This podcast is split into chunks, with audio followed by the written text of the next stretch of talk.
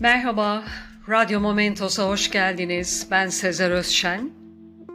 Ülkemiz zaferlerinin hepsi kanla, canla ve inançla kazanılmıştır. Kazanılan zaferi bile zarafetle aktaran bir önderin ulusu olmaktan gurur duyuyoruz hepimiz. İzmir Milli Kütüphane Vakfı Başkanı Sayın Ulvi Puğ'un Instagram sayfasından alıntıladığım bir anekdot ve 30 Ağustos Zafer Bayram yazısını paylaşmak istiyorum sizlerle. Yugoslavya Kralı Alexander Atatürk'le yemek yemeye Türkiye'ye gelir. Atatürk karşısında heyecanlanan Kral Alexander şöyle der. Majesteleri, biz Türk milletini çok severiz. Aslında İngiltere Yunanistan'dan önce İzmir'i ve Türkiye'yi işgal görevini bize verdi. Ama biz Türk milletini çok sevdiğimiz için bunu kabul etmedik der. Atatürk ise Kral Alexander'a muhteşem bir cevap verir. Majesteleri, öncelikle Türk milletine sevginizden dolayı size çok teşekkür ederiz. Ancak şunu da belirtmeden geçemeyeceğim. Verilmiş sadakanız varmış, der. Atatürk'ün cevabındaki zarafet, üslubunu yitirmiş her millet için örnek teşkil ediyor. Yarın 30 Ağustos sabahına uyanacağız. Mustafa Kemal Atatürk o sabahını şöyle anlatıyor. Afyon'da belediye binasında bana ayrılan bir odada yatıyordum. Beni uyandırıp Tevfik Bey'in geldiğini bildirdiler. Tevfik Bey getirdiği savaş durumunu gösterdi.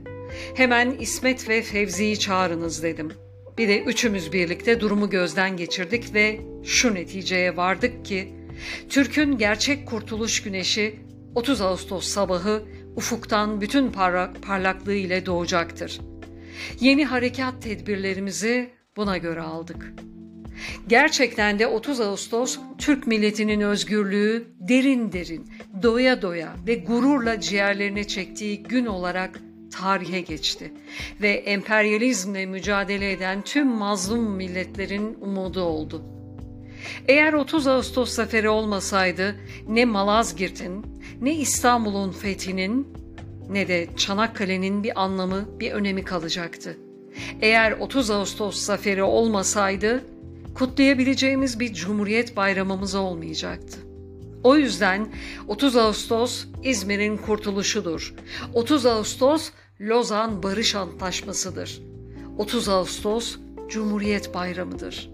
Eğer tüm bu sonuçları ve daha fazlasını elde ettiysek hepsini 30 Ağustos zaferine borçluyuz. Onun için 30 Ağustos'u kutlamak hem tüm eski zaferlerimizi hem de doğurduğu tüm bu sonuçları kutlamaktır. 30 Ağustos'u idrak etmek ise doğurduğu tüm sonuçlara sahip çıkmak, korumaktır. Biz Türkiye Cumhuriyeti'nin her şeyini 30 Ağustos'a, 30 Ağustos'u da Gazi Mustafa Kemal Atatürk'e borçlu olduğuna yürekten inananlardanız. Bu inançla 30 Ağustos Zafer Bayramımızı kutlar, bu zaferi bize armağan eden Gazi Mustafa Kemal Atatürk ve silah arkadaşlarının manevi huzurlarında bir kez daha sevgi, saygı, minnet ve sadakatle eğiliriz. 30 Ağustos Zafer Bayramımız kutlu olsun. Dinlediğiniz için teşekkürler. Hoşça kalın. Radyo Momentos'ta kalın.